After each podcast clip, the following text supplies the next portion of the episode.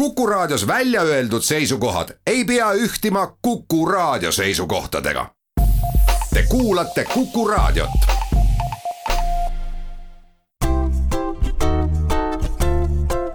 patsiendiminutid, Patsiendiminutid toob teieni Eesti Patsientide Liit tere, head Kuku kuulajad! patsiendiminutid taas eetris ja mina olen Kadri Tammepuu. me räägime täna seksuaalsest enesemääramisest ja täpsemalt, miks eksperdid leiavad, et seksuaalsuhetesse astumise vanusepiiri tuleks tõsta. meil on liinil Tartu Ülikooli Seksuaaltervise Keskuse naistearst ja noortenõustaja Made Laandpere, tervist! tere teile ka! kuna me tunneme teineteist juba aastaid, kas sobib, et me ütleme saates teineteisele sina? Ja muidugi. aitäh!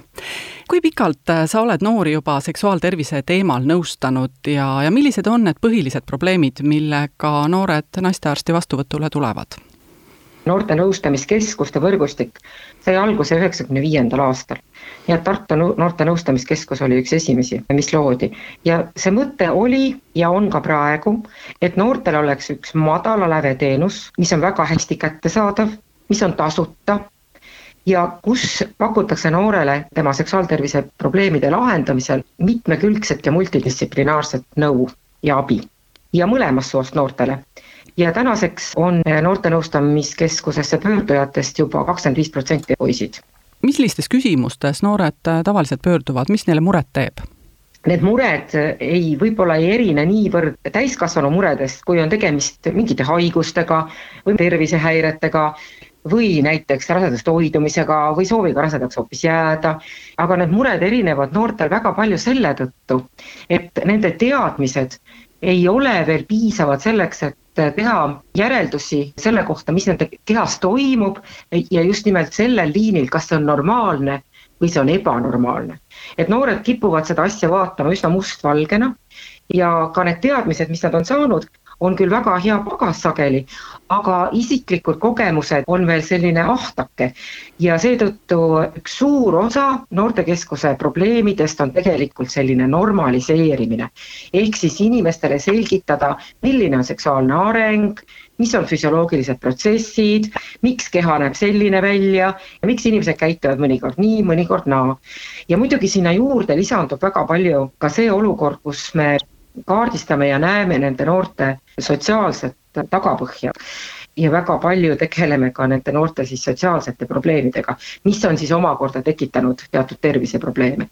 See kõlab kõik nii, et äh, ainuüksi naistearstist äh, võib jääda seal väheks, et kas äh, Seksuaaltervise Keskuses on ametis ka keegi veel lisaks arstidele ja ämmaemandatele? Ja meil on alati olnud ka abiks psühholoogid ja on ka praegu, ilma nendeta me oma tööd ette ei kujuta. ja teine asi on see, et me oleme teinud aastate jooksul tõesti väga tihedat äh, koostööd erinevate sotsiaalsüsteemi institutsioonidega, alates laste turvakodudest ja lõpetades äh, noorte ja laste vaimse tervise keskusega.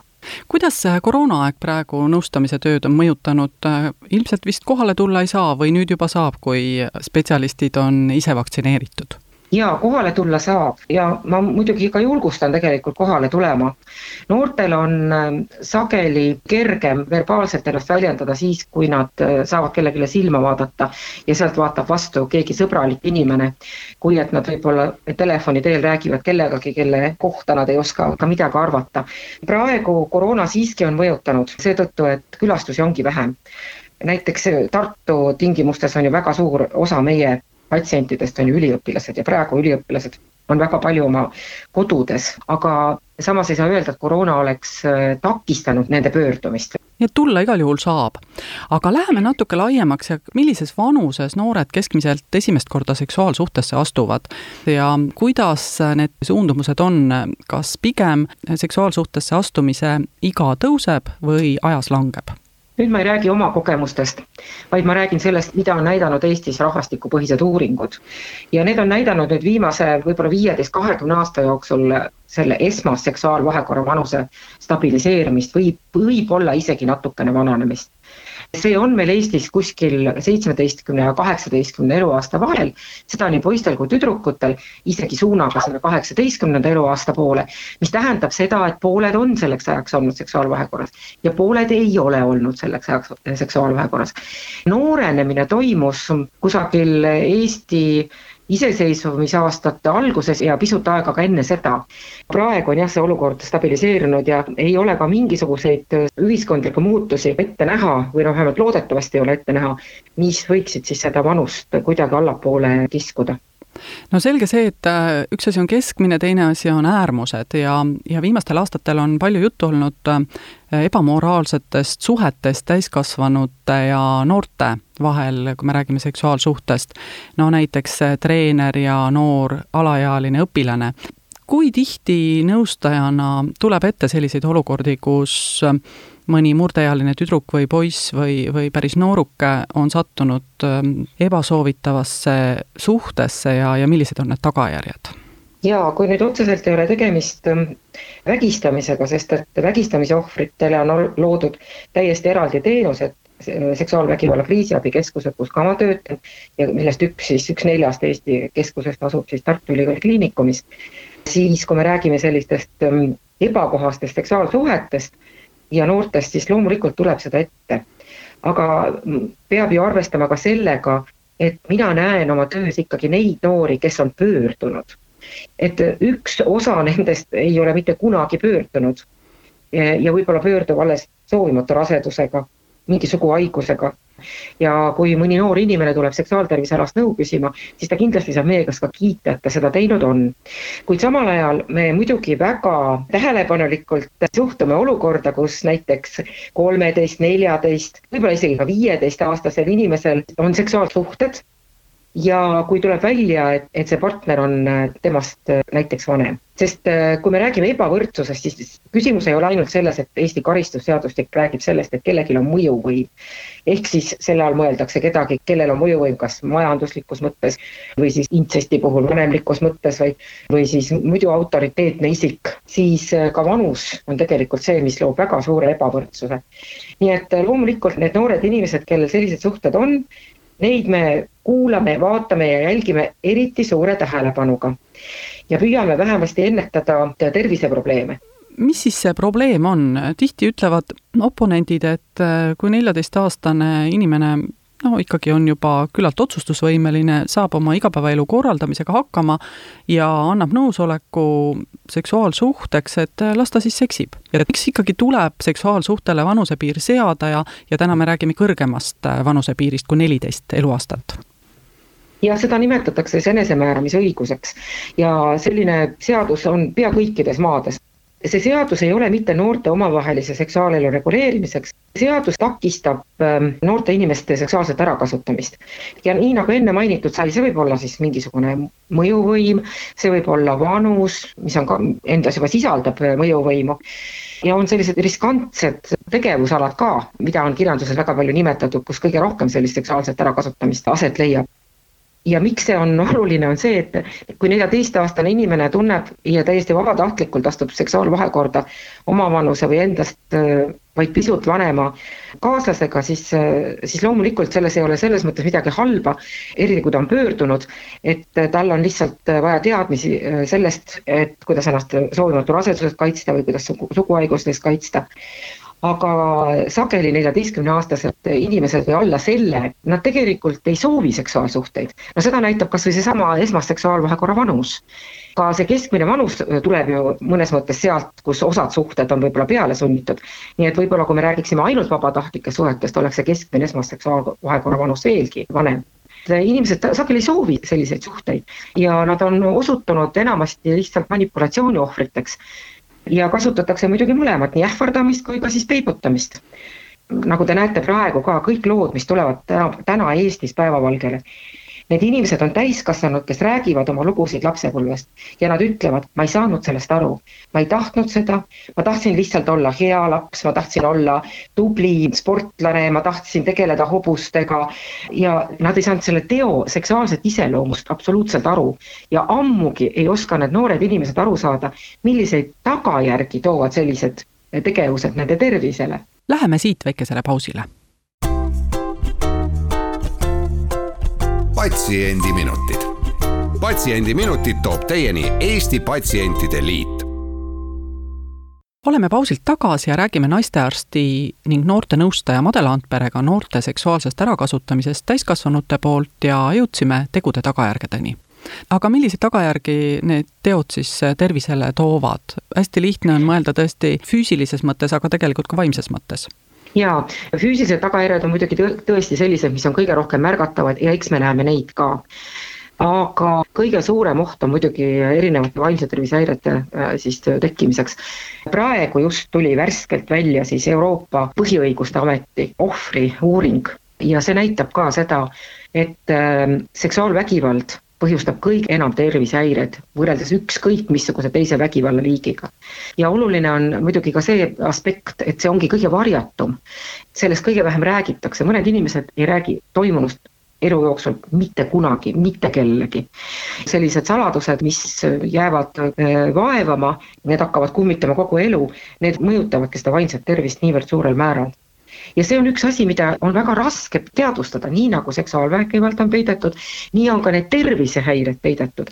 sest see, miks inimesel on näiteks depressioon, ärevushäired, posttraumaatiline stresshäire, selle põhjuseid võib olla elu jooksul kogunenud palju, aga tegelikult kogu asi on saanud alguse näiteks sellest samast treenerist, kes on teda siis kohelnud sedaviisi, et ta pole tollel hetkel sellest aru saanud, ta on tundnud suurt häbi, ta on süüdistanud iseennast selles loomulikult ja alles täiskasvanu eas hakkab ta sellest aru saama, et tegelikult on kogu selle tema vaimse tervise häirete kaskaadi põhjustanud see sündmus, mis toimus lapsepõlves. ja on väga hea, kui ta saab selle välja rääkida ja saab ka psühhoteraapiat, aga väga paljud tegelikult seda ei tee. teine asi on see, et kui me mõtleme selle peale, et Eesti naistest uuringute järgi kakskümmend kolm protsenti on kogenud seksuaalvägivalda. mitte seksuaalset ahistamist, seksuaalset ahistamist on ko kogenud tunduvalt rohkem siis me peame mõtlema sellele, et me elame tegelikult sellises ühiskonnas, kus iga neljas-viies naine võib sattuda seksuaalvägivalla ohvriks. me tahaksime näiteks äh, tänapäeval Eestis pimedatel tänavatel öösel liikuda nii, et, et see oleks turvaline aga, aga see olukord, et me võime langeda seksuaalvägivalla ohvriks, on jäänud sellest fookusest kõrvale, sest et see on varjatud kuritegu. ja seetõttu ähm, on väga oluline, et praegu on tulnud need asjad välja noh, näiteks sellised arvamused, et tegemist on mingite üksikjuhtumitega ja et see vajab veel väga palju arutamist, kahe tuhandendate algus, kui esimest korda see tõstatati, oli argumente mõlemal pool võib-olla vähe, aga see taandati tõepoolest selleks probleemiks, et see oleks nagu seksiprobleem noorte enda vahel. et näiteks kaks tuhat üksteist, kui oli teine laine, siis väga palju ajakirjanduses oli selliseid artikleid, mis algasid sellega, noored tuleb kaasata otsustesse oma seksuaalelu üle tänaseks on ühiskond jõudnud nii kaugele, et need lood on välja tulnud ja saadakse aru, et see enesemääramise õiguse vanus ei keela noortel mitte omavahelisi seksuaalsuhteid, vaid see kaitseb neid tegelikult sellise ärakasutamise või otseselt vägistamise eest sa ütlesid, et äh, need ähm, juhtumid on tihtipeale varjatud ja noored tunnevad häbi, no täiskasvanud samamoodi, kui neid on äh, seksuaalselt ära kasutatud. aga kuidas vanemad võiksid aru saada, sest ähm, tavaliselt ikkagi midagi ju selle noore käitumises muutub ja, ja probleem on pigem see, et, ähm, et ei osata seda ära tunda. ega see küsimus äh, on selline miljoni dollari küsimus, sellepärast et igasugused mitte ainult seksuaalvägivald, vaid kõik muud asjad ka, olgu see koolikiusamine näiteks. igal juhul on ju vanematel see roll, et nad peavad oma lapse turvalisuse tagama ja nende roll on ka märgata, et äh, lapsel võib-olla ei lähe kõik hästi. aga üks asi on täiesti kindel, et nende laste käitumine muutub. Nad saavad aru, et nendega on juhtunud midagi halba, aga sageli ei oska nad seda ise ka sõnadesse panna.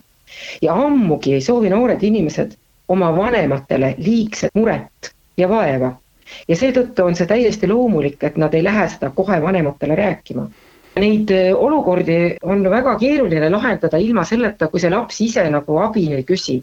aga selles vanuses ongi ka lastel väga raske abi küsida. see on midagi sellist, mille puhul ma tunnetan ka praegu ja loen jälle ja ikka, et sellest teemast rääkides väga palju keskendutakse sellele, kuidas ohvrid peaksid ära hoidma neid kuritegusid.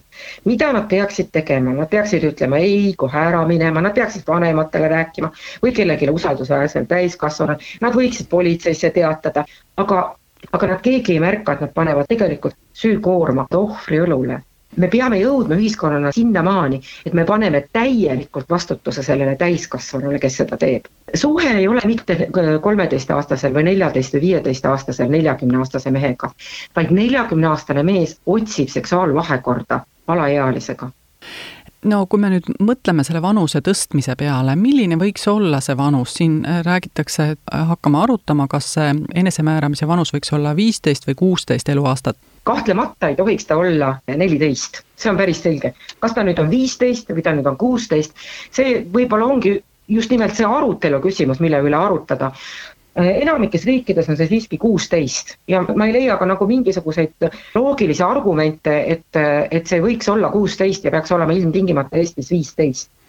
ja muidugi see, et oleks erinevates Euroopa maades enam-vähem üks, on juba üks poolt argument. et neid riike, kus ta on neliteist, on tegelikult jäänud ikka väga vähe Euroopa Liidus. aga noh, selle kuueteistkümne kasuks räägib kahtlemata see, et et kui me tahame seda olukorda ikka nagu totaalselt muuta, siis ähm, ma arvan, et see võib-olla ühe aasta piiri tõstmine ei ole selleks piisav.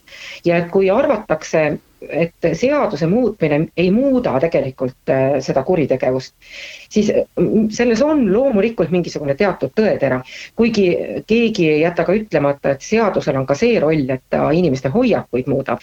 aga ma võin täiesti veendunult öelda, et ma tean väga hästi selliseid lapsi, kelle puhul just nimelt on äh, sotsiaalmeedias oodanud ära manipuleerijad tema neljateistkümnenda sünnipäeva. Need manipuleerijad peavad nüüd ootama kuueteistkümnenda sünnipäevani ja võib-olla kuueteistkümnendaks eluaastaks on see noor inimene juba nii küps, et ta oskab öelda ei, seksuaalsuhet ma sinuga ei soovi võib-olla lõpetuseks puudutaks natukene seda teemat ka, mis puudutab äh, noorte alaealiste omavahelisi seksuaalsuhteid. Äh, noorte omavahelised suhted peavad olema loomulikult reguleeritud ja see ei ole ka mingisugune probleem. et äh, näiteks kui vaadata, kuidas see on reguleeritud Kanadas või ka Austraalias, siis äh, need erisused, vanuselised erisused, kui ka toimepanija on tegelikult alaealine, need kõik on seadusesse kirjutatavad ja kokkuvõetavad tabelitega, mis mahuvad kahele leheküljele. et äh, kui Kanadas on kaksteist kuni kolmteist ohvri vanus ja see, kes toime selle nii-öelda paneb või temaga seksuaalvahekorras on, on temast kuni kaks aastat vanem, siis see ei kuulu üldse seaduse silma allagi. kui see inimene on neliteist kuni viisteist aastat vana, ehk siis alla kuueteist aasta, nii nagu praegu soovitakse, ja kui see vanusevahe on vähem kui viis aastat, siis see ei ole seadusega karistatav. muidugi välja arvatud juhul, kui seal on ka mingisugune selline alluvussuhe või autoriteedi küsimus või, või, või mingi sõltuvussuhe või midagi taolist, eks ole või seal on mingisugune orjastamise küsimus, need asjad on sealt väljas.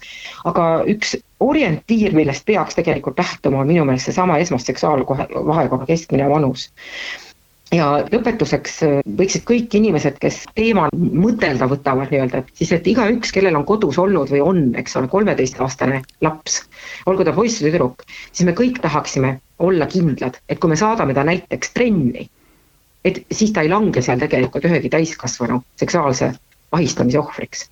ja, ja nii lihtne see ongi selle mõttega täna lõpetamegi, suur aitäh noorte seksuaalsuhetest rääkimast, naistearst Made Laandpere ja täname ka kõiki kuulajaid. küsija rollis oli Kadri Tammepuu, oleme taas eetris nädala pärast ja seniks püsige terved. patsiendiminutid. patsiendiminutid toob teieni Eesti Patsientide Liit